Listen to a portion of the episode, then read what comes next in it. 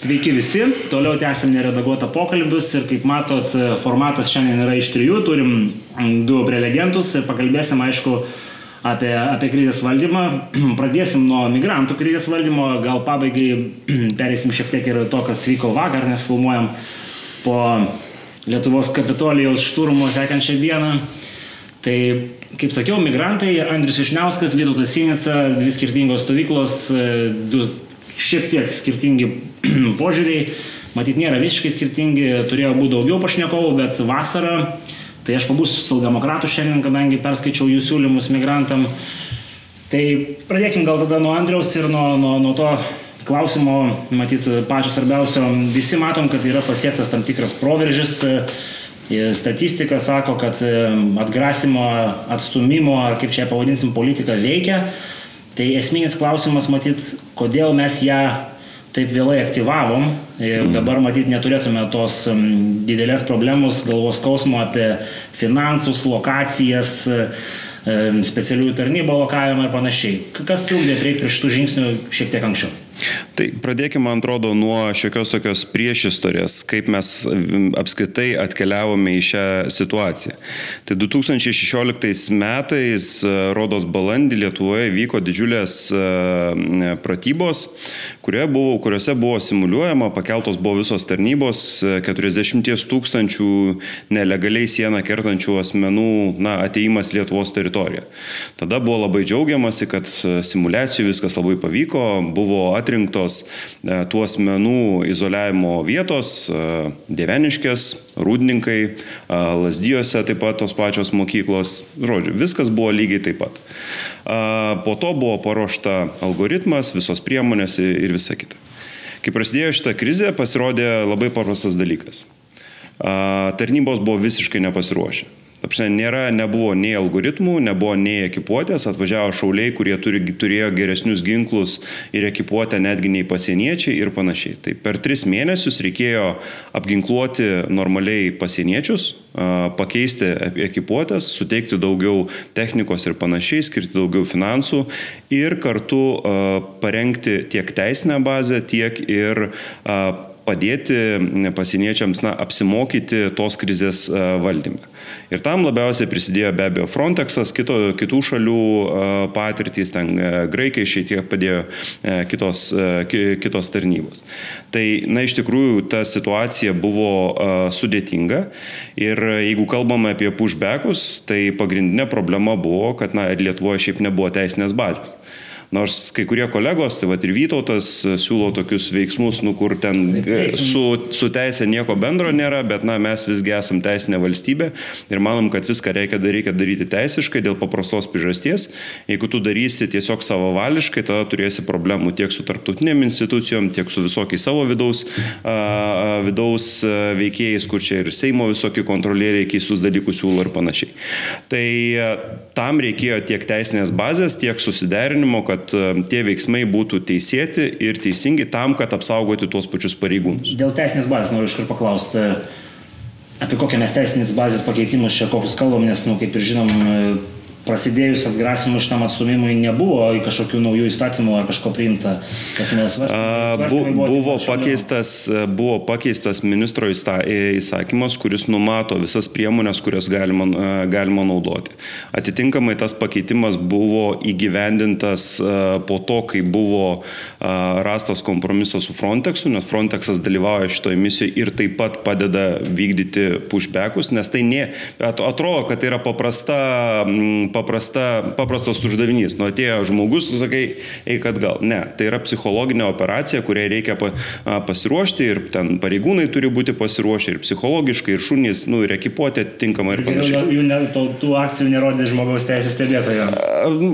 Aš nežinau, aš nemanau, kad ten vyksta kažkas to netgi iš to, iš to asmens, ten Seimo kontrolieriaus kažkokio stovo, kuris buvo nuvažiavęs, tai nežinau, jis ten pasakojo, jam labai atrodė viskas kraupiai ir baisiai, aš kaip paskaičiau, tai man atrodė pakankamai nu, profesionaliai Normal. ir normaliai ir net vietom linksmai. Nu, tai ta prasme, ne, ne, man netrodo man ten kažkas tai e, tragiško, bet faktas, kad tai yra priemonė, e, kaip ir bet koks ginklas, kuriai turi būti pa, pasiruošta. Nes didžiausias pavojus pasienyje šiuo metu yra bet kokios provokacijos. Todėl ir vakar priimdami įstatymus mes aiškiai sakėm, mes nenorime, kad kariai a, laisvai, pavyzdžiui, naudotų ginklą. Karys naudoja ginklą tik tai saviginai. Bet yra kitos specialiosios priemonės, kurių tai šituo atveju užtenka. Įstatymų, nes čia yra keletas skirtingų galbūt siūlymų, kaip tuos karius įgalinti. Tevinė sąjunga turėjo vieną, ten kiti politologai ir kitos politinės partijos turėjo kitų siūlymų. Kol kas dar liekam prie to, to dalyko, kad Jūs sakot, kad pagrindinė priežastis, e, kodėl mes turėjom e, tos 4000 prasileisti, taip e, sporto terminais kalbant, tai va būtent tas nepasirengimas, tam tikrų teisinių instrumentų stoka ir nugyventos tarnybos ankstesnių valdžių laikotarpiu. Iš, iš esmės taip. Ir tas buvo viskas paruošta. Ok, tai Vytautai, kaip jums atrodo, ar tie 4000 galėjo būti kažkaip tai prie tų visų problemų, kurias ką tik paminėjo mūsų kolega, žodžiu, ar galėjo kažkaip kitai būti suvaldyta ir mes dabar būtume kitoje situacijoje?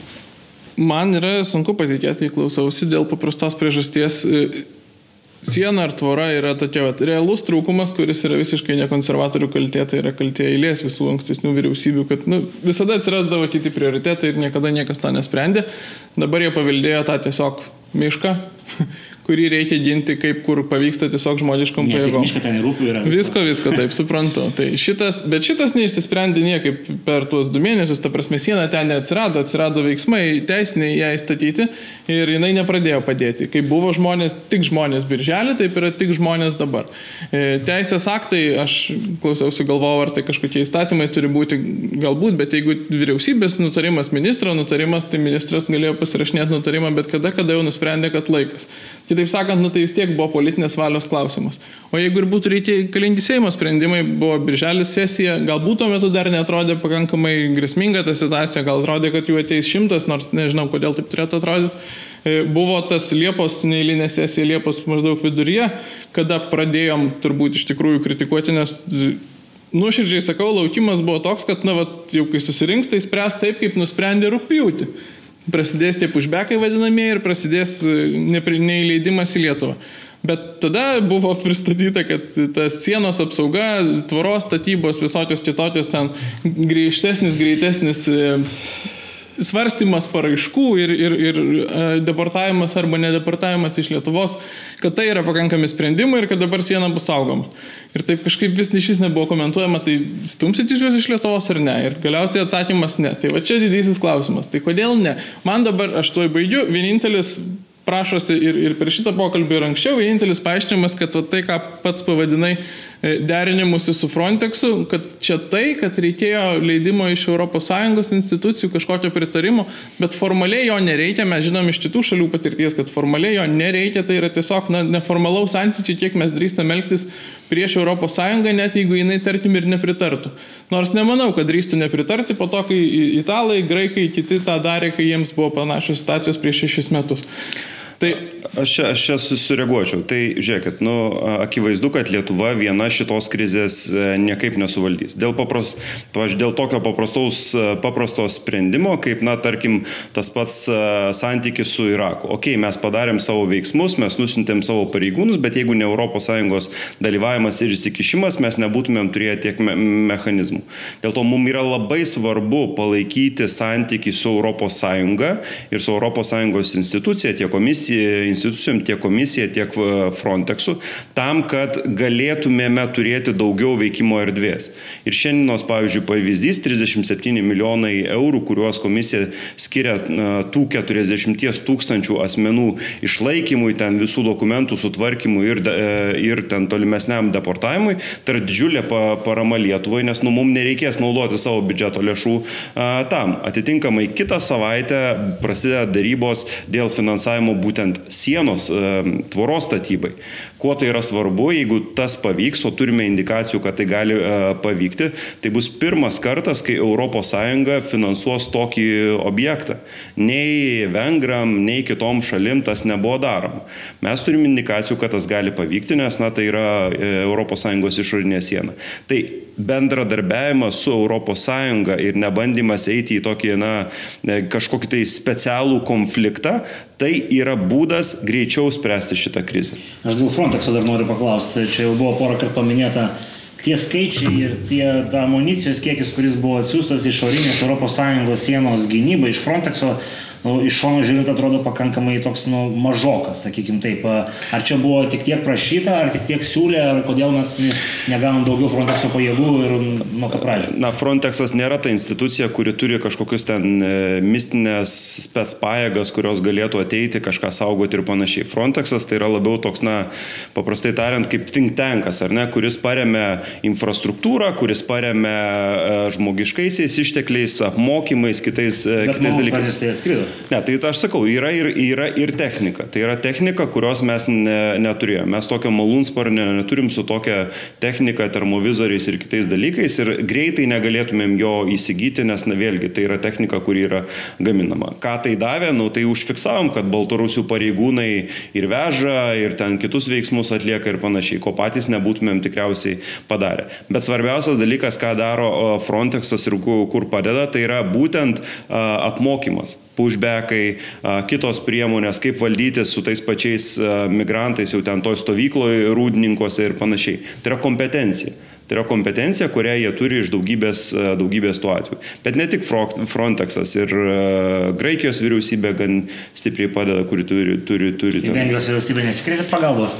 Jie turi daug patirties. E, nežinau, dėl Vengrijos vyriausybės e, su Graikija mums yra žymiai paprasčiau dėl, dėl labai paprastos priežasties. Mes turime gerą valstybinį santykį ir mūsų užsienio reikalų ministras yra labai geras bičiulis su premjeru, tai labai lengva bendrauti. Tai tuo labai džiaugiuosi. Dar vienas toks trumpas komentaras, kadangi čia nuskambėjo porą kartų skaičiai iš ES, klausytojas gali pagalvoti, kad valdančioji dauguma dėlsi ir laukia, kol ES duos finansų. Ir tas, mes, sakėt, siena bus statoma greičiausiai beprecedentiškai ne už nacionalinės lėšas. Ar čia Kaip, ne, kaip, ne. Tokiam, tokiam nu, Atsakymas labai paprastas. Iki šiol visos išlaidos yra finansuojamos iš valstybės biudžeto. Atitinkamai tiesiog ne, jos bus padengiamos atbulinę, atbulinę datą, ten maitinimai, kiti, kiti dalykai. Tai tikrai nebuvo laukiama, jeigu reikėtų, valstybė turi tuos resursus, bet na, jeigu mes galim tam panaudoti, kadangi yra išorinė ES siena, es resursus, kam naudoti savus. Tai Labai sveikinčiau, milijonai. jeigu tai pavyks, aš tikrai tą sveikinsiu ir sveikinsiu viešai ir tą jau čia pasakiau. Bet man dabar jau pačiam yra labai įdomu šitam pokalbį, aš jaučiu, kad aš sužinosiu kažką naujo. Tai vis dėlto aš gerai suprantu, kad buvo kaip ir laukiama žalios šviesos iš ES, nes bendradarbiavimas su jie teikiama pagalba buvo tai, ko verčiau atrodė neprarasti, pradedant pushbacko politiką be sutikimo? Ne, e, žiūrėkit, e, aš tikrai ten negalėčiau nei komentuoti kažkokių tai dėrybų detalių, aš galiu pasakyti tiek, tiek kiek e, aš žinau. Aš žinau vieną dalyką. E, jeigu mes pabandy, būtumėm gegužės mėnesį padaryti ten pushbackus taip kaip vengrai ir panašiai, ir eiti į konfliktą su Europos komisija, turėti kokias nors bylas ŽTT ar atskirų pareigūnų atžvilgių, ar institucijų atžvilgių, tai tikrai nebūtų prisidėję prie bendro gero klimato. E, mes viską padarėm teisingai, tvarkingai, taip kaip yra sutarta ES e, ir iš to mes turime ganėtinai daug bonusų. Daug pagalbos, daug komisarų, daug pinigų, Ir tai yra gerai. Paminėjot dar vieną instituciją, kuri irgi yra iškyla klausys aptarimuose šitos e, krizės ŽTT. Taip išeina, kad mes vat, iki vakar, kol buvo įstatymas koreguotas, visi, kurie buvo atstumti, galėtų mūsų skūsti ir mes turėtume problemų su EŽTT. Ne. Kodėl ne, nes e, sako, kad... Ne, įstatymas vakarykštis su, su tuo neturi nieko, ben, e, nieko bendro. Tai ar kažkoks reguliavimas, e, koks mūsų statusas su žmogaus teisėm? Ar mes pushbackindami jų nepažeidžiam ir ar nebus taip, kad po to visi mokėsim išmokas? Kiek aš žinau, ES teisė ir taisyklės, kurios reguliuoja tokių krizių valdymą, jos leidžia pushbackus tam tikrom aplinkybėm. Tai kai mes tas aplinkybės aplinkybės pasiekėme, kai jas turime, kai susiderinom su kitom. Aš negalėčiau to pakomentuoti, čia galėtų mhm. greičiau kas nors, kas gerai, giliai išmano migracijos politiką ir panašiai. Tai vad gaila nėra kairiųjų, nes jie dažniausiai gerai išmano tai. Aš nesijaučiu aš, toks. Bet... Aš sakau tik tai tiek, kiek aš žinau, kiek aš esu informuotas, aš tikrai nežinau ten gilių de, e, detalių. Komentaras dar kažkoks? E, jo, nei gegužė, nei dabar mes, aš manau, bent tarptautinės teisės požiūrį nepažeidžiam nieko, nebent kažkokius neformalius susitarimus. Kodėl? Todėl, kad tai, ką kairieji mėgsta kartoti Europos žmogaus teisų teisme, kuris na, vertina atitikimų Ženevos konvencijai ir kitoms konvencijoms, um, buvo įprasta praktika ginti teisę žmogaus, kuris pretenduoja į prieglopstį nepriklausomai tom, kaip jis prašosi to prieglopščio. E, Nuo 20 metų negaliu pasakyti kokio mėnesio, tačiau byloje, kurioje buvo ten dviejų asmenų iš Afrikos byla prieš Ispaniją, nes Ispanijos ten tam anklavę e, Šiaurės Afrikoje e, būtent tą ir darė pasieniečiai, tiesiog nustūmė nuo tvoros, ar bijau sumeluoti galbūt ir perlipusi tvorą išvedė ir išsiuntė atgal. E, buvo pasakyta ir buvo pasakyta vieningai 17 teisėjų didžiosios kolegijos, kad galima taip daryti tai buvo kairiųjų, tų žmogaus teisų aktyvistų kritikuojama kaip e, štai kolektyvinis atmetimas prieglapšio paraiškos, nesuprastų neįvertinai kiekvieno iš jo konkrečios situacijos. Atsakymas buvo Europos žmogaus teisų teismo, kad galima taip daryti, paprasčiausiai todėl, kad yra būdai teisėtai prašytis e, prieglapščio, eiti, pateikti paraišką, ir būti įvertintam, o šitie žmonės patys pasirinko tą daryti neteisėtai, tiesiog, na, akivaizdžiai ateini prie tvoros ir lipi per tvorą, eini per mišką, na, visi supranta, aš manau, ir Afrikoje, ir Azijoje, kad egzistuoja valstybių sienos. Ir nuo to sprendimo, tas sprendimas nėra paslaptis, čia kol mes nepradėjom gilintis plačiau, tai gal Lietuvos visuomenė ir buvo nežinoma, bet tikrai iš tie visi kritikuojantys žmogaus teisų kontrolieriai, aktyvistai, Valentinavičiai, čia kur dabar apšmyžė, aš sakyčiau, Lietuvą tarptautinė erdvėje, visi jie puikiausiai žino tą sprendimą, juo nesidžiaugia, nenorėtų, kad jis būtų, bet jis yra. Ir tie pushbackai tarptautinės teisės požiūrį yra teisėti ir vakar, ir už vakar, ir gegužį. Bet, kaip sakė valdančios daugumos atstovas, e, nenorėta buvo iškart naudoti priemonių ir nesusigadinti. Su, žiūrėkit, e, su ispanišku sprendimu yra truputį truputį vienas toksai niuansas. Nežinau, ar jūs esat matę bent jau nuotraukose, kaip atrodo ta ceutos, ceuta, man atrodo, enklavas. Bet... Ten du yra, man atrodo, kad ceutoj daugiausia būna problemų. Ten situacija yra tokia, kad ten yra dviguba, dviguba tvora Ir viena tvora yra Ispanijos e, teritorijoje, kita yra Maroko, pagal tarptautinį sustarimą. Ir kai žmogus pirmiausia e, perlipa Maroko, Maroko jau tą sieną, jisai vis dar yra Maroko teritorijoje ir pushbackas yra daromas Ispanijos pareigūnų Maroko teritorijoje.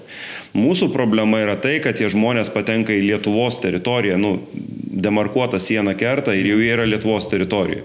Dėl to tai yra truputėlį kitoks teisinis režimas, bet, nu, kaip tu sakai, pushbackai vis tiek yra, yra įmanomi. Nes... Bet, nu, geriau visada susiderinti, nei nesusiderinti. Tai čia. Aš manau, mes čia padarėm tokį, nu, mainus, kas yra geriau. Ar mums yra geriau galbūt blogesni santykiai su tais, kas ten sprendžia, aš nežinau, kas formaliai sprendžia ES šitą krizės valdymą, e, bet turėti, sakykime, 200 tų priimtų nelegalų, nu, nes ar mes sutarėm, nežinau, aš manau, kad pushbackai veikia. Šiai dienai jie nu, veikia. Mes nežinom, e, aš bent nežinau, kiek žmonių ir kaip yra apskaičiuoja e, e, statistikoje įtraukiami ar ne, kurie vis dėlto susiranda pasienio postus ir juos pereina. Nėra tokios. Nėra, statistikos nėra, žmonių tokių nėra. Nu, kiek aš žinau, tokios menų nėra. Supratau. Tai, tai jie tas, tai, kai būna atpušinti, jie kažkur varo atgal į Baltarusiją. Nu, tai jie dabar varo, jie dabar keliauja į Lenkiją, į Latviją ir nuo šiandienos dar į Rusijos teritoriją. Aš manau, kol kas tai yra Baltarusijos problema. Aš manau, kad bus dar bandymų bandymų, kokių nors galbūt kitaip bandyti jėgą brautis, bet apie tai galėsim atskirai, čia jau aš aišku spekuliuoju.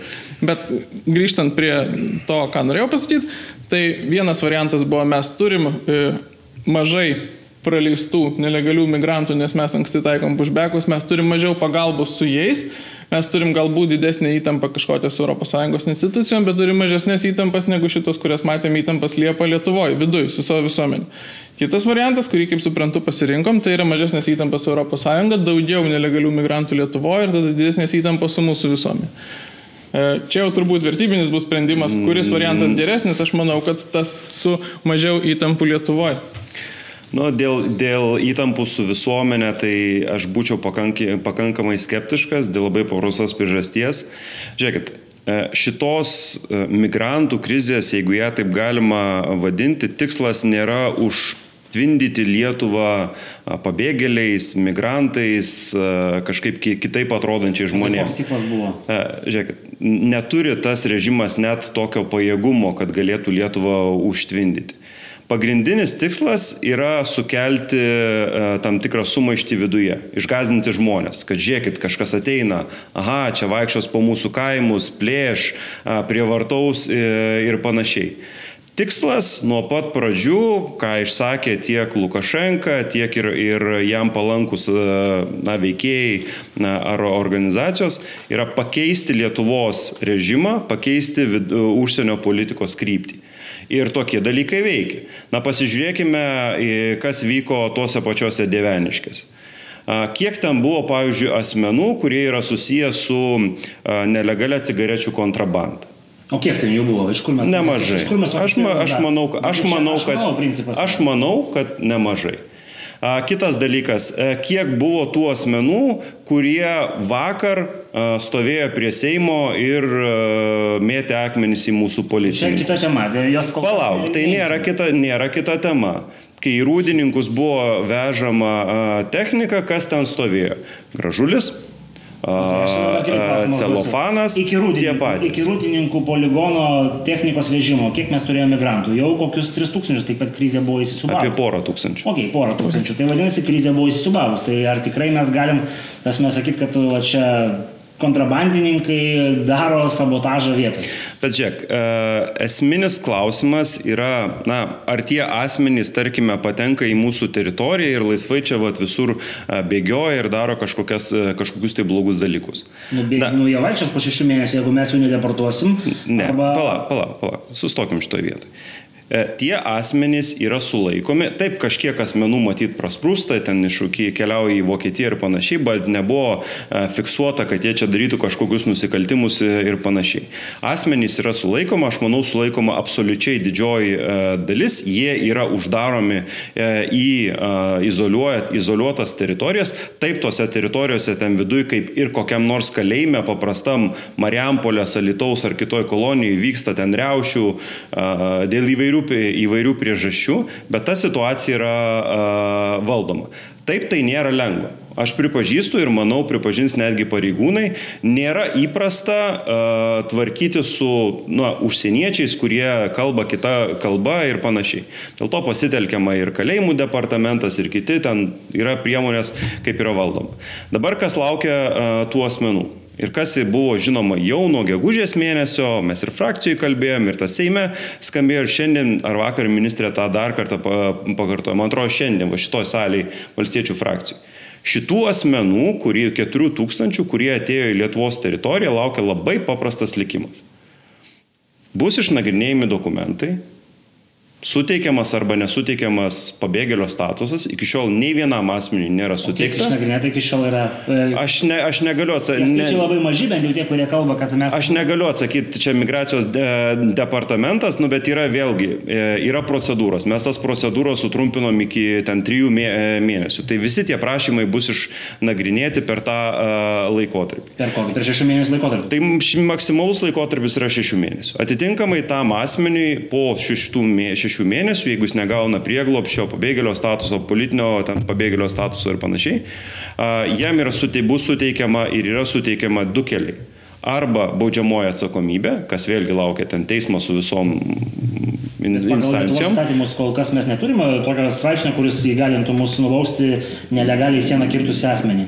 Turime baudžiamajame, baudžiamajame, baudžiamajame kodekse yra, man atrodo, keturių, iki keturių metų šitas laisvės apribojimas grėsia. Okay. Tai viskas su tuo yra. Tai arba toks kelias, arba bilietas į ten, kur tu išvykai. Kodėl bilietas? Todėl, kad tai yra tarptautinė praktika ir, nu, tiesą pasakius, mums yra pigiau ir lengviau išsiųsti žmogų į Kamerūną ar į Iraką, nei jį uždaryti kažkurį tai iš kalėjimų, kurie ir taip yra perpilti. Vidai, ar turi ką apie... Tai, tai yra ministrė žodžiai, aš jais pilnai tikiu, žinau, kad šita praktika yra įmanoma ir taip ir bus daroma. Ir tų asmenų 4000 neliks. E, tai, nu, gerai, atsiprašau, gerai, gal kokį trys ir liks. Aš tas ne. Motina su vaikais, dar kažkas yra ir, ir sirų, ir labai gerai. Dabar labai trūksta, trūksta kairiojo dabar čia. Šitą uždokumentuojam, nes aš manau, kad per šešis mėnesius tikrai jie visi neišnyks iš Lietuvos vienokio ar kitokio dalyko, nes e, iš to, kas buvo girdėta. Ne, tai žiūrėk, šeši mėnesiai skaičiuojasi nuo to, kada asmo kirto, uh, kirto teritoriją. Nu, tai viena yra gegužės mėnesį, kita yra Liepos mėnesį. Tai kuriems čia, jau tiksi laikas. Kai kuriems jau tiksi laikas. Jo, bet... E, Ir jau yra asmenų, kurie išvyko savo norų.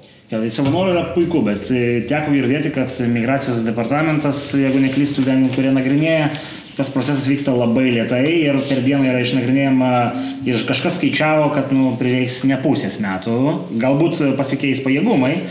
Tai nesiginčiau, aš kol kas dar vytų duodu žodį, o po to duosiu klausimą dėl, dėl užsieniečių gerosios praktikos. Mes, mes praleidom gal labiau tokių diskusinių momentų, bet šitas, taip kaip papasakojo Andrius, man atrodo, kad būtų puiku.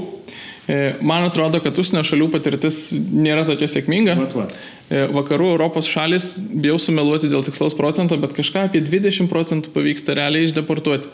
Du variantai. Ar jos nesugeba kaip valstybės aparatas, manau, kad šitas variantas mažai tikėtinas, ar jos nesiryšta dėl tų visų kairiųjų žmogaus teisų klausimų, kad kaip čia deportuosi žmogų, va, jis vis tiek atvažiavo ten kažkur Afrikoje, gyvenimas yra baisus ir tada, nepaisant sprendimo, jam leidžiama likti. Tokiu atveju tikrai buvo Švedijoje, tokiu atveju va, visai nesnei turėjom skandalą Prancūzijoje, užmušė kuniga žmogus, kuris jau buvo nuspręsta jį deportuoti, bet jis vis tiek gyveno Prancūzijoje. Kodėl? Nu, ne dėl to, kad Prancūzija neįgali valstybė, dėl to, kad kaip tu tą vargšą žmogų deportuosi. Tai Klausimas ir tikiuosi, kad Lietuvos valstybė turės stuburą visus, ką nuspręs deportuoti ir deportuoti. Bet deportuoti dažniausiai pavyksta nedaug. Ką?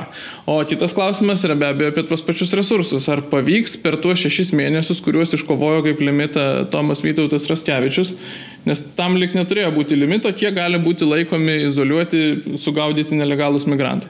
Bet galiausiai e, Liepos 12-13 dieną tą sprendimą priemė, kad tik 6 mėnesius reiks arba pratesnėti tą laiką, arba jeigu vis dėlto kažkiek nespės jų išnagrinėti, tai reikės juos paleisti į laisvę, kad jie Lietuvoje gyvendami kažkaip visuomenėje lauktų to sprendimo. E, dažniausiai va šitaip ir atsitikdavo visose Vokietijose ir kitur, kur ta problema yra masinė. Tai planas yra geras, faina, aš norėčiau, kad jis pavyktų praktika rodo, kad stipresniems už mūsų šalims jos dažniausiai nepavyksta. Tai dėl tos užsienio praktikos, aš norėjau patikslinti klausimą gal taip. Mes e, turim tam tikrą benchmarką, kas dėjosi e, po 15 metų Vokietijoje, Prancūzijoje. Ar mes kažkaip e, išrasim dviratį ir išvengsim to kultūrinio klešo, susidūrimo, kad tie, tie žmonės, kurie liks čia, jeigu jie, kaip sakoma, liks to, pavadinkim, bloguoju scenariu, nes pagal gerą scenarių turi nelikti, bet jeigu bus B scenarius, jie liks, Kaip mums seksis, e, turint omeny, kad nelabai kaip sekasi kitom Europos valstybėm? Mes lyginam du absoliučiai nepalyginamus dalykus. E, dėl paprastos priežasties. E, Lietuva netraktuoja šių asmenų pabėgėliais arba kažkokiais migrantais, kuriuos mes kviečiame ar ten lengvai priimame. Lietuva traktuoja šitą situaciją pasienyje kaip hybridinę ataką.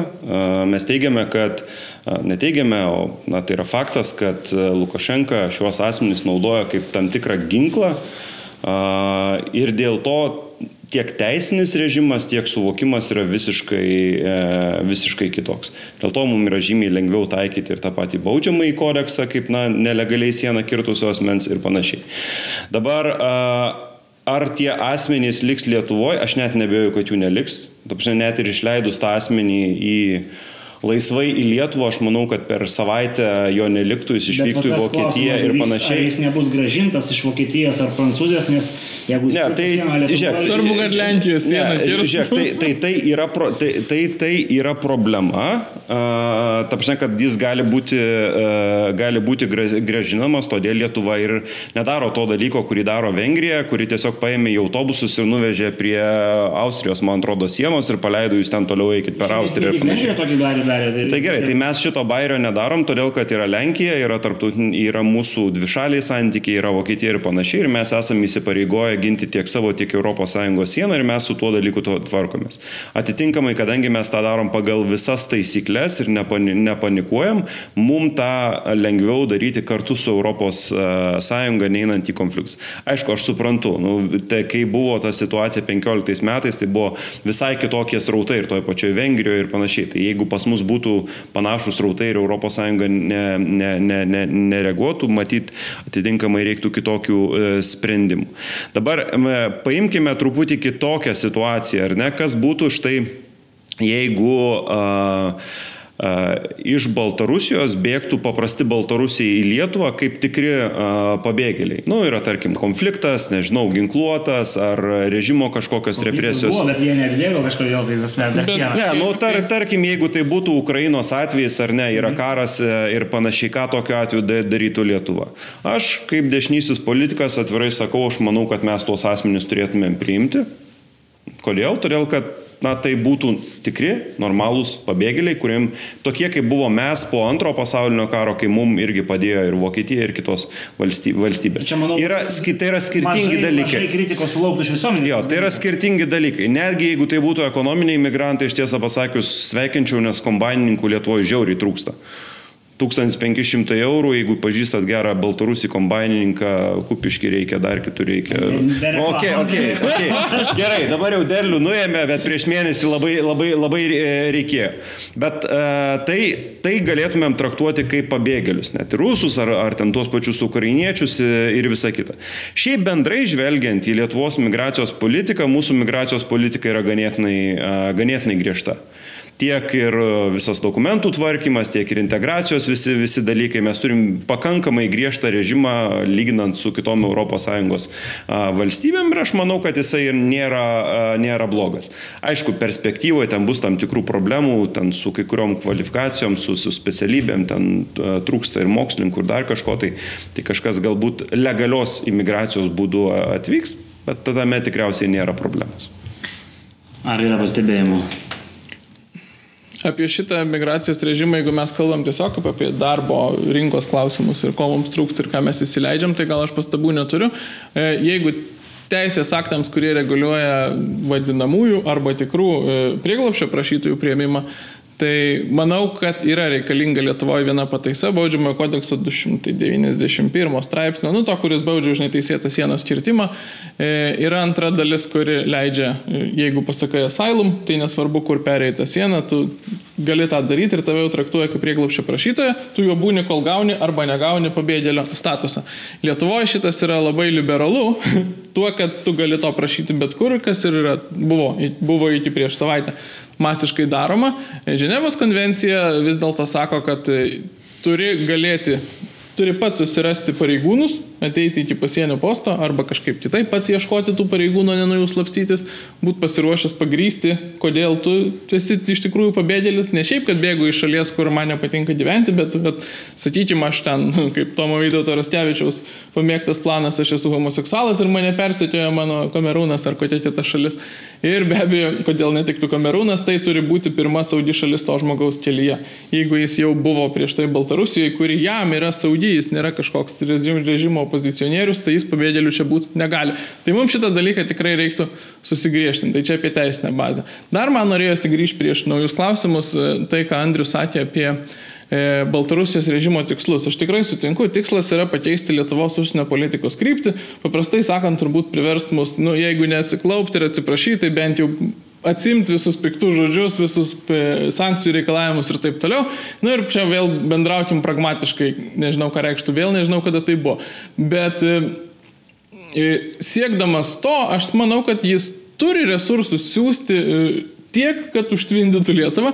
Ir tai nėra mano kažkoks išsigalvojimas, tai yra Arnoldo Bramovičiaus, Bramavičiaus. Atsiprašau, žodžiai, kai jisai... Krašto saugos viceministras. Tai, vidaus reikalų viceministras, kai jisai visiškai ramiai sakė, kad, nu, dabar prognozuojam 40 tūkstančių, sakykime, iki metų pabaigos ir tos 40 tūkstančių, vienoje vietoje mes jų neapgyvendinsim, apgyvendinsim, vad, du ten tūkstančius, nedaugiau dviejų tūkstančių, išskaidysim dalim, kad nebūtų per didelės grupės. Kas mane gazino tuose žodžiuose tuo metu, Tai tas nusiteikimas, kad kiek bus, tiek priimsim, tik žiūrėsim, kaip apgyvendint.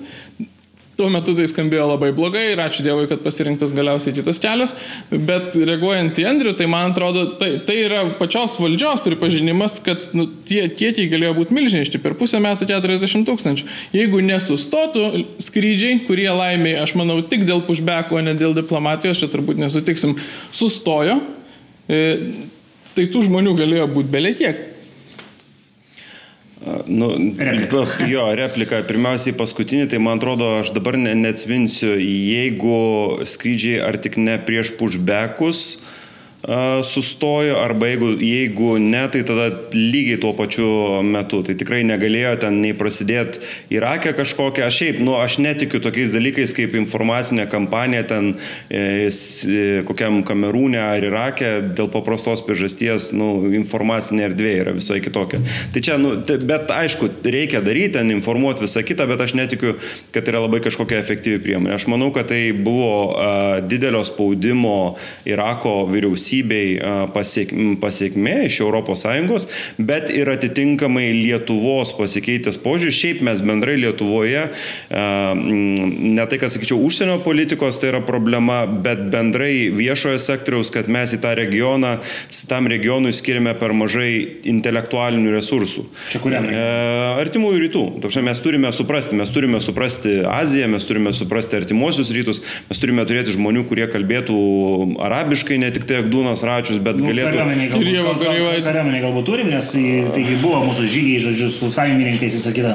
Nu, tai gal, galbūt turim, galbūt turim ir, tarkime, iš Irako grįžusių vertėjų, kurie yra integruoti Lietuvoje, kurie padėjo mūsų kariam. Tai galbūt to yra, bet aš kalbu bendrai, kad Lietuva neturėjo su Iraku iki šiol jokių rimtesnių kažkokiu tai santykių. Mes net ir ambasadą Junktiniuose Arabų Emiratuose visai nesinai atidarėm prieš keletą metų, tai ten niekas nėra užsimesgę.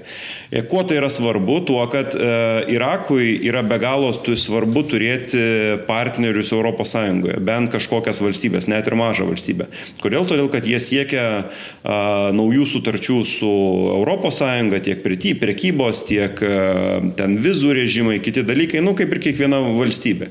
Ir Lietuva turėdama santykį, jinai turi daugiau, daugiau galios. Aha, jums ten reikia prekybos sutarties, gerai, mes paremsim, bet jūs sustabdykit šitą. Kitaip tariant, nu, tas dvišalis santykis jis e, turi būti.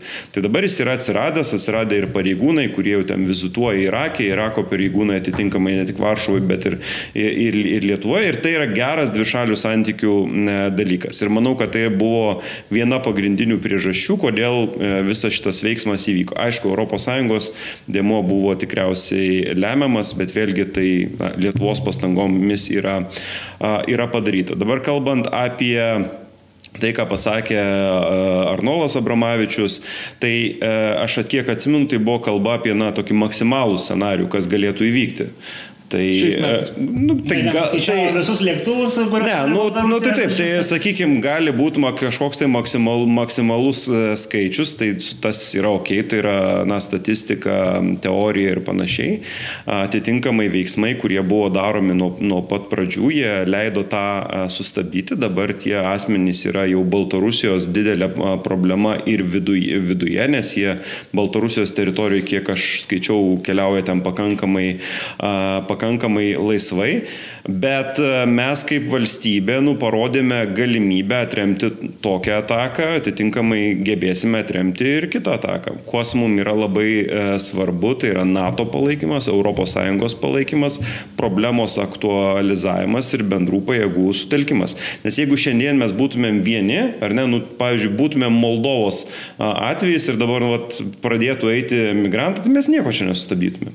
Niekas nekreiptų į mus dėmesio, mes ten galėtumėm uh, daryti pushbackus ar dar kažką, visi visur skustųsi, pinigų niekam ne, nebūtų. Ir, Bet gal mums būtų iki lemputės ir tada galėtume naudoti visas priemonės, kurios yra arsenalė. Uh, be abejo, visada galima, nu, teoriškai galima migrantų šaudyti, bet kai vyksta zapat, uh, Ne, aš- zapat, aš pra, za, ne, tai ką reiškia nau- naudoti visas mirtinas priemonės? Aš, Tai kokia, aš sakiau visas. Čia jau man gali- Jo, reflektuoja. nu, tai ne- ne kokias, tau. kokias priemonės turi pa- pareigūnas? Nu, turi tikriausiai bananą, antrankius ir šautuvą. Nu, tai ku- kuris iš jų yra mirtinas? Man gana akiva- akivaizdu. Bet žiūrėkit, nu, čia yra klausimas apie provokaciją. Ir dabar turime tų pačių provokacijų iš, iš Baltarusijos e, pasieniečių. Ir signalinės raketas, ir visokias ten a, kitus veiksmus, ir šūvius kažkur raidinčius ir panašiai. Tai labai gerai, kad mūsų pareigūnai tom provokacijom nepasiduoda, stovi ramiai, atsakingai, nenaudoja ginkluotos e, jėgos ir to užtenka tiek pushbackam, tiek kitom, e, kitom priemonėm.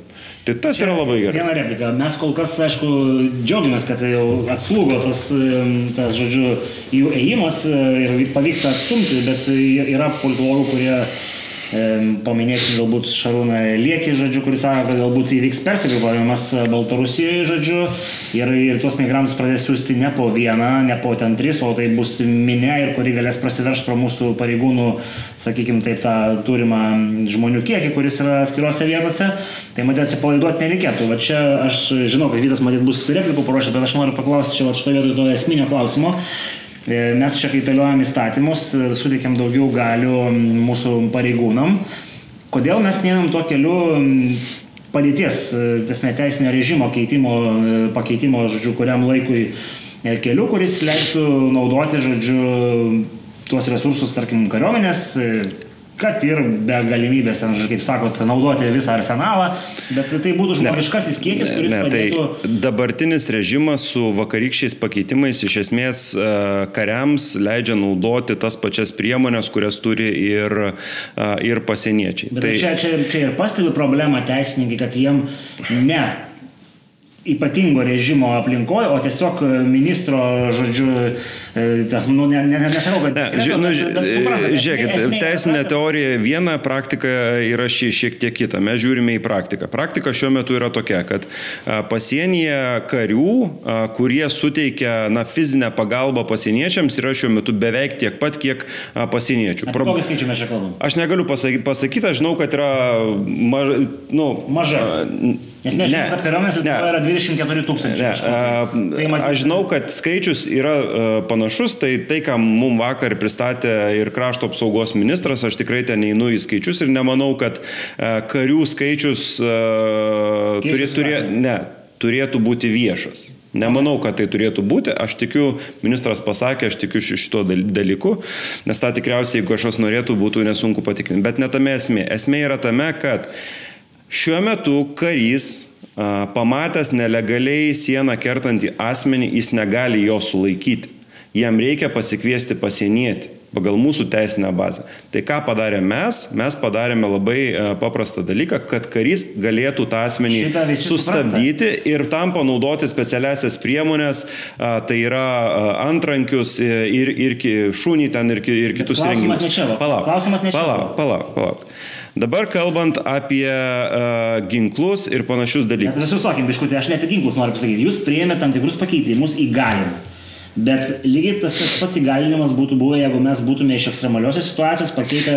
Būtų skirtingas, todėl kad e, įvedant nepaprastąją padėtį, Seimas turi apsispręsti, kurią žmogaus teisės reikia a, apriboti. Ne migrantų, te, e, tų, kurie ateina sieną kerta, bet mūsų piliečių.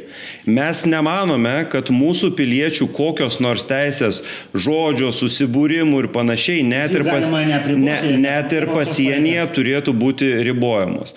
Mes nenorime apskritai, kad apie tai vyktų kažkokia tai diskusija net ir parlamente dėl paprastos priežasties asistos koks nors durnius, kuris vakar uh, kalbėjo ir ir mitinguose ir sakys ten suvaržykim tokias ar kitokias teisės. Mes nemanom, kad reikia diskusijos apskritai apie tai. Dabar situacija yra puikiausiai valdoma tais resursais, kurie yra, atitinkamai įgalinant, įgalinant karius tą daryti kai yra įvedama ekstremali situacija, yra, įve, yra apibrėžiama jos apimtis, ką gali pareigūnai, kurie pareigūnai ką gali daryti ir, ir panašiai. Ir netgi šiuo metu esant ekstremaliai e, situacijai, kariai negali daryti nieko, nieko kito išskyrus to, kas yra nustatyta vyriausybės, uh, vyriausybės nutarime. Jo, bet mes kalbėjome apie kalbą, ne kas keistų, jeigu būtų nepaprastoji padėtis, o ne ekstremalioj. Gerai, paklausim Vyto, kaip jums atrodo, ar šitie teisiniai pakeitimai versus e, nepaprastos padėties e, situacija, kokie yra pliusai, minusai, skirtumai? Man tiesiog atrodo, kad dabar priimti pakeitimai yra pakankami, galbūt daugiau negu pakankami. Ir aš iš tikrųjų irgi turiu tą atsargumą, kad ypač dabartinėje situacijoje Lietuvoje su visais jautrumais tiek dėl karantinų, tiek dėl ir tų pačių migrantų e, nereikia kalbų apie kuo griežtesnius teisinius režimus. Kuo mažiau tų kalbų bus ir kuo paprastesnis, įprastesnis teisinis režimas bus, tuo bus geriau apskritai Lietuvos vidaus politinė situacija.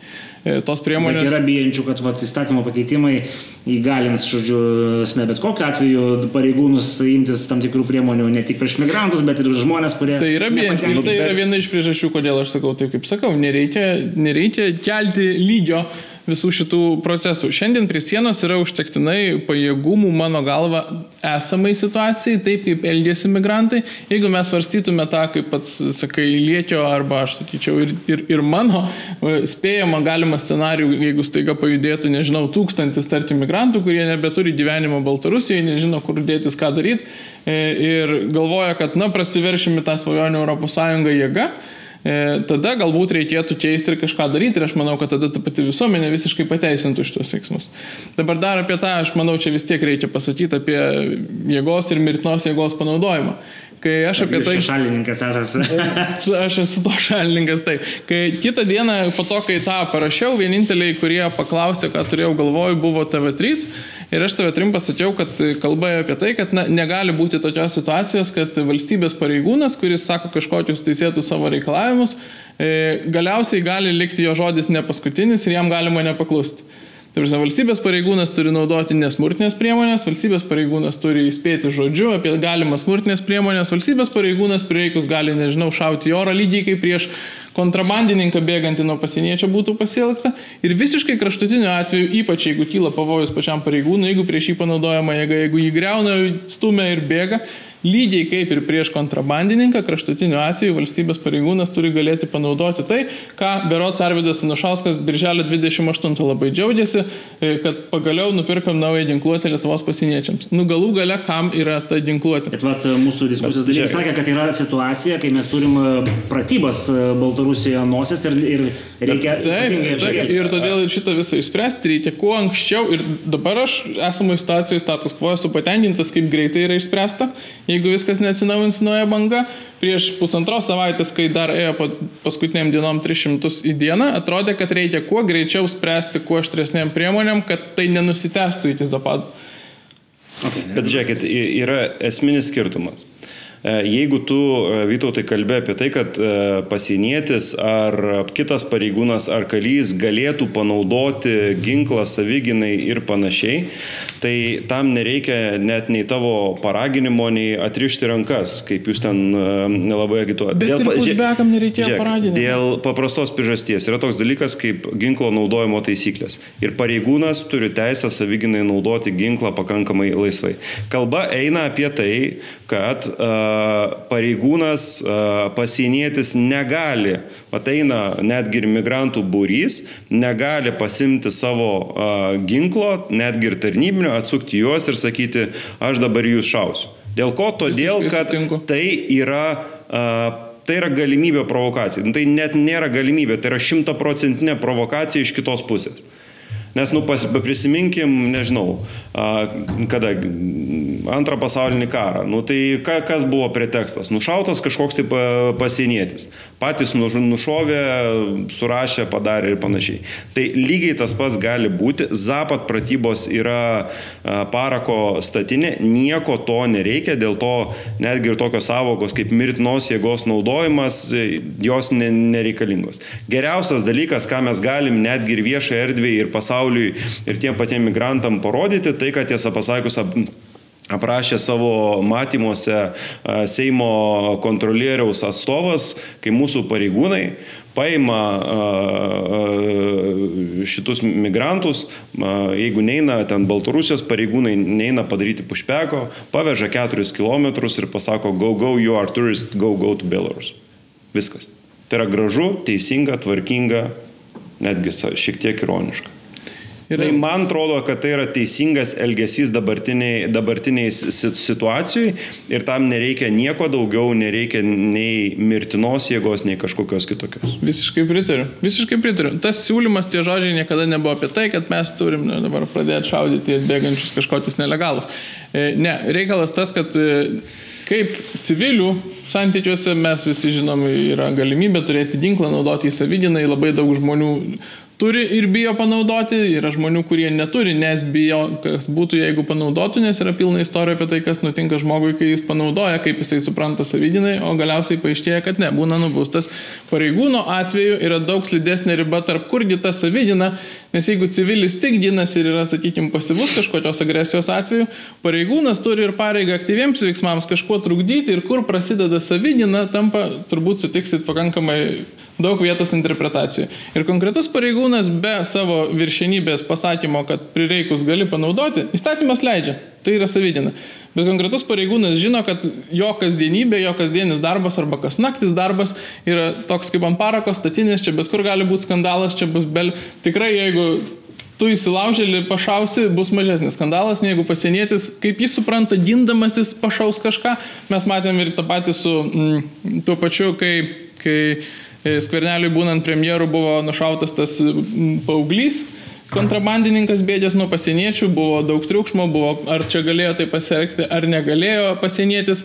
Skvernelis tokį politinį uždėjo štampą, kad galėjo teisingai šaunuolis, nes taip reikėjo elgtis.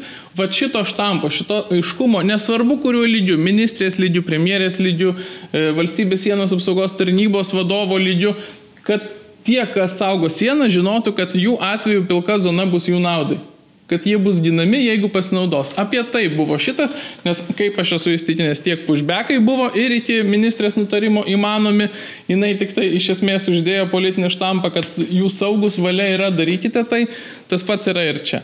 O jeigu dar truputį pagalvojus į priekį, jeigu vis dėlto atsiristų kažkokios bangos, sakykime, tūkstantis žmonių bando brautis į Lietuvą, nežinau, tikėsit manim, netikėsit, taip jau sutapo, kad kai aš pradėjau garsiai daug šnekėti tą temą, tai pakankamai nemažai tų sieną saugančių žmonių, ne vien pareigūnų, bet ten ir visokios kitokios. Yra juk tos grupės privačios saugos tarnybos prisideda kažkuo, bet neturi įgaliojimų, kuriuos turi pasieniečiai. Tai A, ką jie sako tą patį, ką mes čia šnekam, kad kol kas nereikia jokios jėgos naudoti, iš esmės visi jie pasiduoda ir, ir, ir nueina, gyvybė yra labai labai svarbi ir apskritai, na, jie turi supratimo, kad jie negali fiziškai priešintis, bent jau kai eina mažom grupėm, e, tie nelegalai. Bet sako, jeigu, kaip mes dabar va, čia pastaruoju metu ir patys dažnai pasišnekam, kad jeigu eitų didžiulės bangos, tai tikrai naudotume tuos ginklus ir net nelauktume, nes tai atrodytų mūsų gyvybės klausimas. Ir nesvarbu, ką tie politikai pasakys. Žiūrėkit, pareigūnai turi ganėtinai aiškius algoritmus, kaip jie veikia. Tai yra nustatoma tiek ministro įsakymais, tiek vado įsakymais ir kitais dalykais. Ir tas yra dabar jau gan gerai sustiguota ir apmokyta ir visa kita.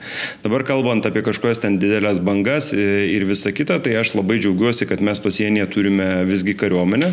Kodėl? Todėl, kad na, kariuomenė visgi turi ir techninės galimybės į... Čia kalba apie pabradę ir, ir ar aš kažkokį specifinį... Ne, čia, kal, čia kalba eina apie tuos karius, neginkluotasis pareigas, bet tuos, bet tuos karius, kurie talkininkauja, nes vis tiek jų tiek ekipuotė, tiek technika, kiti dalykai yra e, žymiai reikšmingesni. Ir dabar po šito įstatymo prieimimo e, yra galimybė žymiai lengviau ir greičiau mobilizuoti, jeigu reikėtų, reikėtų netgi pareigūnus e, iš kitų Lietuvos teritorijų ir panašiai, netgi ir be ten e, karo padėties ar, ar kitų dalykų. Kitas dalykas, jeigu tai mes kalbėtumėm apie kažkokį tai didžiulį migrantų e, srautą, kuris eina, na, kaip ta per tą zombių apokalipsę link mūsų sienos, Na, aš manau, kad toks dalykas būtų ganėtinai greitai, uh, greitai pastebimas, nes vėlgi, ką mums suteikia Frontexas, Frontexas mums suteikia galimybę geriau matyti iš toliau, kas vyksta, fiksuoti sraigtasparniai visos kitos, uh, kitos uh, priemonės. Tai aš manau, kad tam yra ruošiamasi, jeigu tokia situacija būtų, tai yra prognozuojama, uh, kiek man teko girdėti ir, se, ir Seimo uh, posėdžiuose, tai kad ir valstybės saugumo departamentas prezidentas atitinkamai savo darbą daro nuoj pusėje, fiksuoja, kas yra vyksta, kokios yra nuotaikos, kaip yra žiūrima į grįžimą ir į kitus dalykus, nu, tai tas, tas, tas yra gerai. Ir mes galim sužinot, kad jie būtų laikysena šituo atveju? Ta prasme, ar yra laikysena, kad praleidžiam tada tą tūkstantį, ar laikysena, kad mušamės su tuo tūkstančiu labai grubiai tariant? Na, aš manau, kad mes sugebėtumėm tą tūkstantį atremti. Pasakykime taip. Tai dabar, ar tam reikėtų ten šaudyti ar dar kažką? Ar užtektų lasdų ir dujų ir kulkų guminių? Ne, nu, de, žiūrėkit, e, čia, čia, čia lygiai, lygiai, tas pas, e, lygiai tas pas dalykas. Nu, dar daug kas priklauso nuo tų pačių pasieniečių a, ir kariuomenės taktikos. Na, pavyzdžiui, na, čia pavyzdys iš kitos serijos, bet a, e, kalbant apie taip, kaip mes galim kartais nesuprasti pareigūnų veiksmų. Pavyzdžiui, vakar, kai buvo prie Seimo visa minė, daug kas pradėjo priekaištauti priekaištauti ir iš politikų, kodėl tai buvo ilgai laukiama. O pasirodo yra labai paprastas dalykas. Pareigūnai netgi naudoja tokią taktiką šiek tiek išvarginti priešininką geriau palaukti, pažiūrėti, e, kas... kas ne, ne, ne pats išeis, bet galbūt po to, kai jau bus mobilizuota pakankamai pareigūnų, bus lengviau.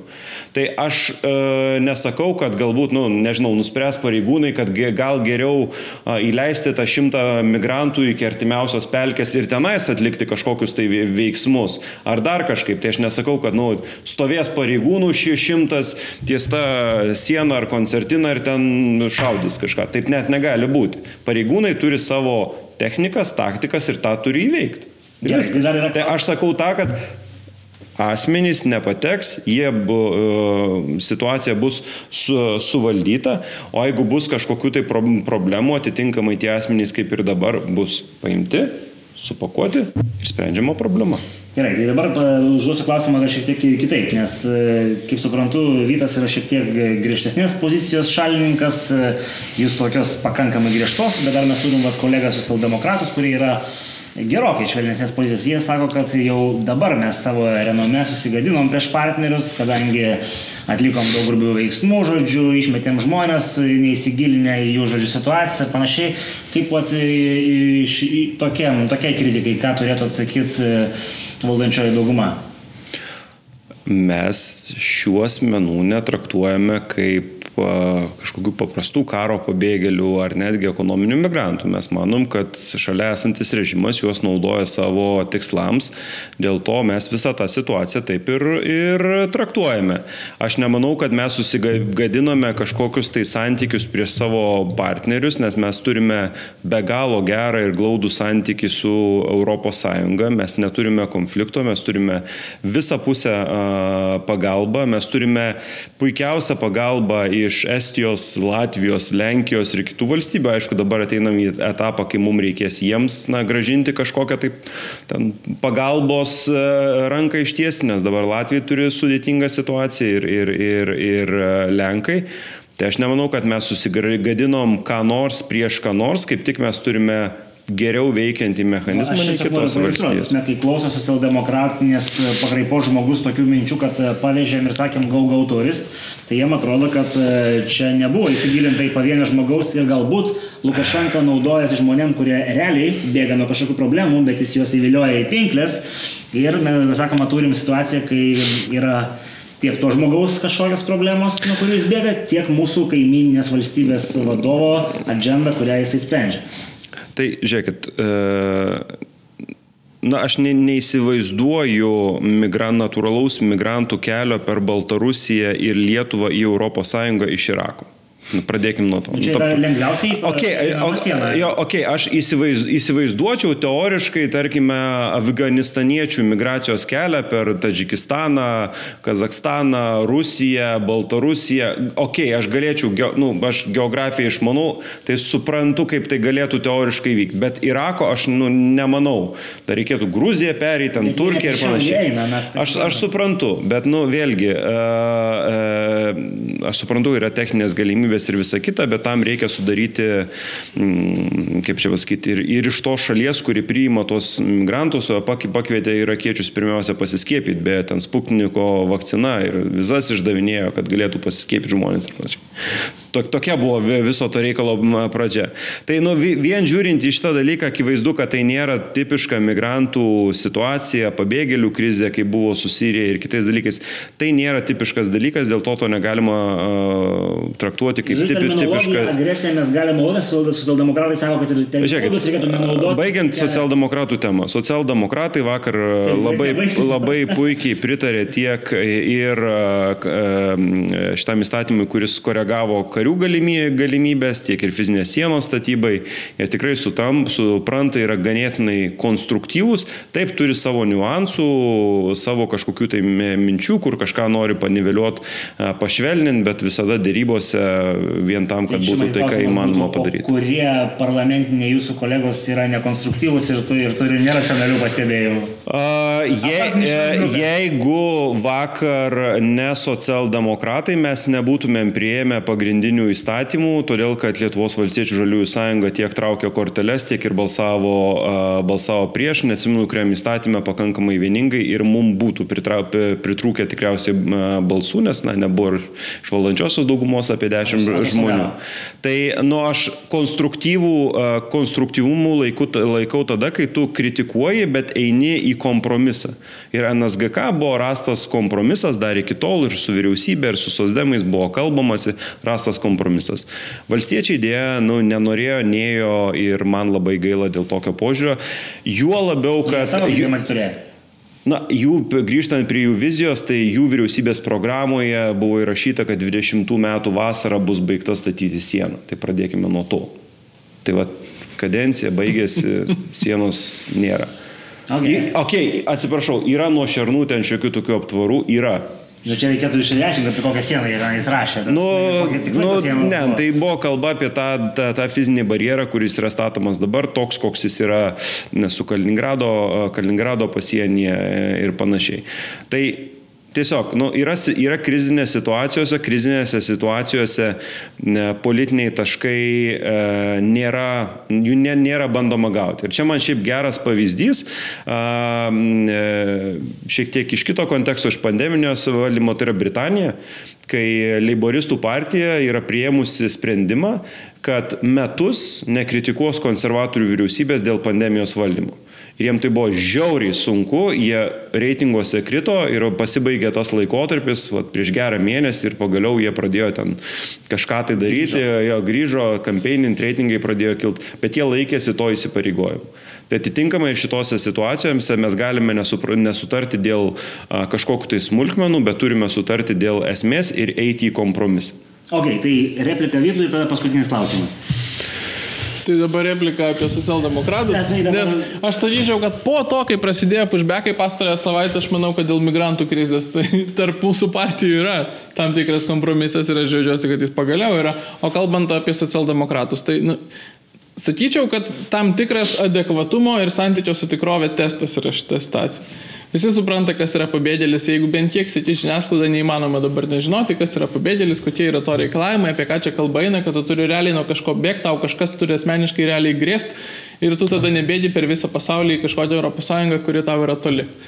Yra gan aišku, kad visi šitie žmonės nėra jokie pabėgėliai. Aišku, geografiškai, nes niekas iš jų neatvyko tiesiai į Lietuvą, į pirmą Saudė šalį, aišku, logiškai, nes masiškai bėgti iš šalių, kuriuose nevyksta karas, staiga pradėti, nu, tai nėra loginio paaiškinimo, kaip staiga jiems asmeniškai atsirado grėsmė. Aišku, empiriškai iš patirties, nes tiek patikrino jų prašymų, tiek tų prašymų buvo atmesta. Aš nežinau, ar jų buvo daug, aš nežinau skaičiaus, bet tiek patikrino, tiek atmetė. nėra ten jokių pabėgėlių. Ir kai žmonės kalba apie, socialdemokratai, kai kalba konkrečiai apie tai, kad nėra skaitomasi su tai žmonėmis kaip su pabėgėliais, tai yra tiesiog visiškai nedekvatu.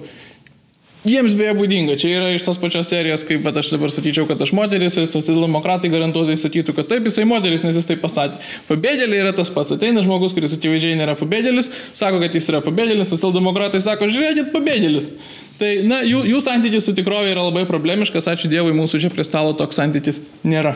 Nu, Aš noriu, aš, aš, demokratas, bet nepavyko. Žiūrėkit, aš noriu apginti soci- socialdemokratus. Dėl labai Nes jie gerai balsavo vakar. Ne tik, dėl, ne tik dėl to, mano apygardoje daug socialdemokratų ir mane palaiko, tai man, man aš jaučiu pareigą. Gali Ne, ne, na, ne, žiūrėkit, nu, yra, e, yra valstybinis požiūris ir yra nevalstybinis požiūris. Vis tiek socialdemokratų partija yra valstybinė partija, kuri yra daug buvusi kartų ir, ir laikų valdžioje, ir krašto apsaugos ministerija, ir VRM, jų žinioja, tai jie truputį giliau išmano klausimo esmę. Taip, jie galbūt ten turi savo kažkokių tai e, požiūrio taškų, galbūt e, jų požiūris į žmogaus teisės yra liberalesnis ir visa kita, bet šiaip bendrai pa- paėmus e, jų pozicija tiek šitoj krizėje, tiek ypatingai Lietuvos gynybos klausimų yra, na, atitinkanti bendrą valstybės Nenori skirti papildomų lėšų dažniausiai. Ne, nu, aš, tikra, aš tikriausiai čia mes, kai kalbam apie socialdemokratų šitoje vietoje, tai mes kalbam ten apie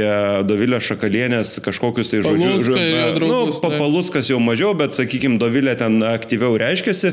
Nu, bet vėlgi, nu, iš vienos pusės, okei, okay, ten galbūt kažkokie žodžiai ten dėl, dėl susižalojimų kitų, kitų buvo- dalykų, buvo sunerimas. bet aš siūlau pažiūrėti bendrą kontekstą, jinai yra NSGK narė, jos paustai apie kariuomenę, apie kariuomenės stiprinimą ir kitus dalykus yra labai geri. Tai jeigu nu, socialdemokratai laikysis tokios pačios pozicijos, tai aš sveikinu ir ten galima dėl kitų niuansų kažką tai nusileisti. Nu, valstybei reikia konsensuso. Visi mes turim skirtingus Okay, tai nuomonės. neadvokatautum Nu, ir viskas. socialdemokratam, tada esminis klausimas galui - siena. Kiek laiko mes ją statysim ir kiek pinigų mes išleisim ir iš kur tie pinigai ateis. Čia matyt daugam yra aktualus e, dalykas. Tai dabartinis, dabartinis planas, tol kol neturime kažkokių konkretesnių ES įsipareigojimų ir nėra pasibaigę e, vidaus reikalų ministrų, man atrodo, kitą savaitę bus, e, bus pirmasis neformalus pasitarimas. Kol nėra formalių sprendimų, tai yra visas finansavimas iš valstybės biudžeto. E, Tai e, valstybės biudžetas tai yra pajėgus e, padaryti. Pagdo skaičiavimai pirminiai yra apie 150 e, milijonų e, eurų. Tikslas yra pastatyti visą šį įrenginį per e, vienerius me- metus. Kur dabar yra tam tikri bottleneckai? Bottleneckas pats pirmasis yra, na, pati žaliava. Šiuo metu Lietuva galėtų pradėti statyti sieną, tai yra, na, pačius, pa, pa, pa, pa, Betoninė konstrukcija. Aš, aš ne, ne, betoninė e, konstrukcija nėra problema, betono mes a, turim, a, tinklo irgi galbūt rastumėm, bet žinot, kur yra keiščiausia problema, trūksta kuoliukų, trūksta strypų. Dėl labai paprastos priežasties. Pasaulyje labai stipriai brangsta metalo kaina ir Lietuvoje, pavyzdžiui, visos įmonės, a, pas mane Mariampolė irgi yra viena įmonė, kuri gamina, na, nu, irgi a, ten strypus, kolus ir panašiai, visos linijos yra sustoję. gal čia reikia pilietinės iniciatyvos, visi savo tvoros nusimontuojam, paduodam valstybei. Nu, jiems ne, ne. Tapinas gal gali. Jo, tai nėra, nėra, nėra taip lengva. Vis, žiūrėkit, viskas susiveda į tai, kaip greitai sugebėsime gauti pakankamą žaliavų kiekį.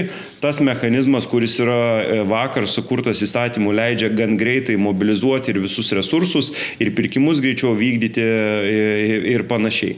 Bet ko aš, ką aš noriu pasakyti, aš noriu pasakyti, kad niekas nėra garantuotas, kad, nu nežinau, nepritruks žaliavos arba nebus tiekimo grandinės problemos, nes nu, mes nesam ta valstybė, kuri turim geležies rūdos ir gaminamės patys metalo. Metalas Mes yra... Turim kažkokią įmonę, kuri koncertiną galėtų šitą patiekti, bent jau taip čia keletą e, Facebook analitikų demonstravo, kad tokia įmonė Lietuvoje yra. Ar mes tik... Ne, tai Lietuvoje yra įmonių, kurios galėtų, galėtų ten gaminti ar kažką tai daryti. Tai viskas priklauso nuo žaliavos.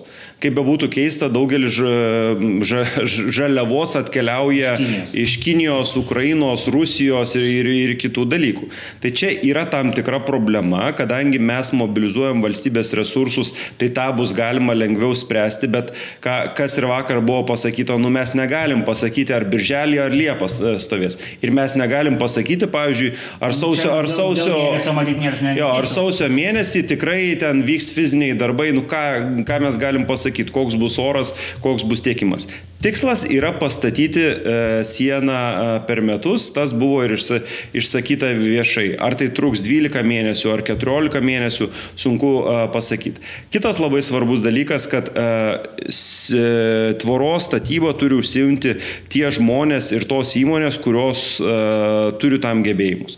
Ir tam bus pasitelta pirmiausia valstybinė, institu, valstybinė įmonė, ar tai bus energetikos ar susiekimo sektoriaus, čia jau vyriausybė apsispręs įvertindama E, visus inžinierinius pajėgumus, bet tai bus sutelti geriausi inžinieriai. Faktas turės prisidėti ir verslas, kas tiekimu, kas darbuotojais ir kelininkai ir panašiai. Šitoje vietoje, ar jau ne, nebuvo galima šitų sprendimų priimti anksčiau? Jūs sakote, kad dar priims, e, toks būtų...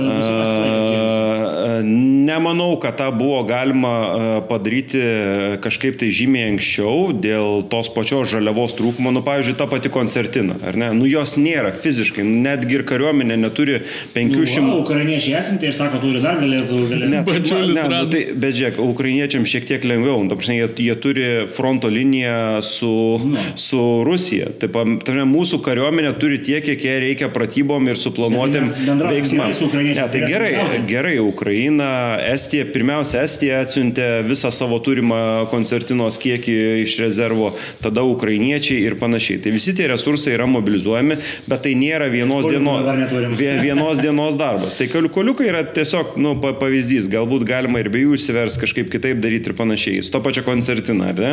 Iš pradžių buvo padaryta vienaip, dabar jinai yra stiprinama, ten šeši sluoksniai dedami ir panašiai, kas yra irgi ganėtinai nu, sunkinama. Bet, bet, bet, bet, žiūrėk, bet, bet, bet, bet kainos, nes labai žmonės įsiaudrina, kai pradžioj buvo dvi ženklis milijonų skaičius ir e, spaudojas iki medijų sviruoja nuo 15 iki 500 milijonų šitos tvoros ir visos galbūt infrastruktūros. Tai sakė 150. Tai pagdo skaičiavimas yra 150. Nu, tai faktas, kad jinai gali arba atpikti, arba pabrangti brangti pakanka, pagal rinkos, rinkos kainas.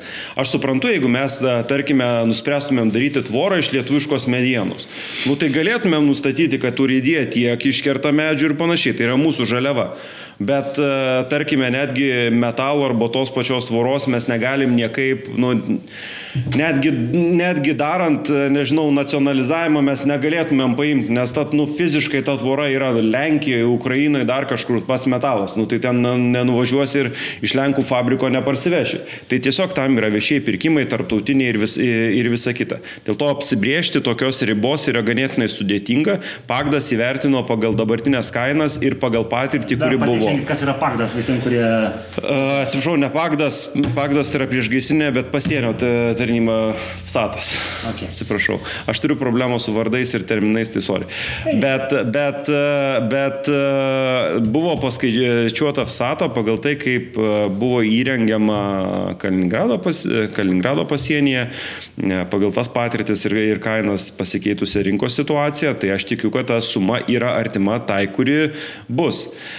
Manau, kad šioje vietoje yra svarbiausias tikslas pastatyti tą tvorą ir užtikrinti, kad... Per dešimtmetį.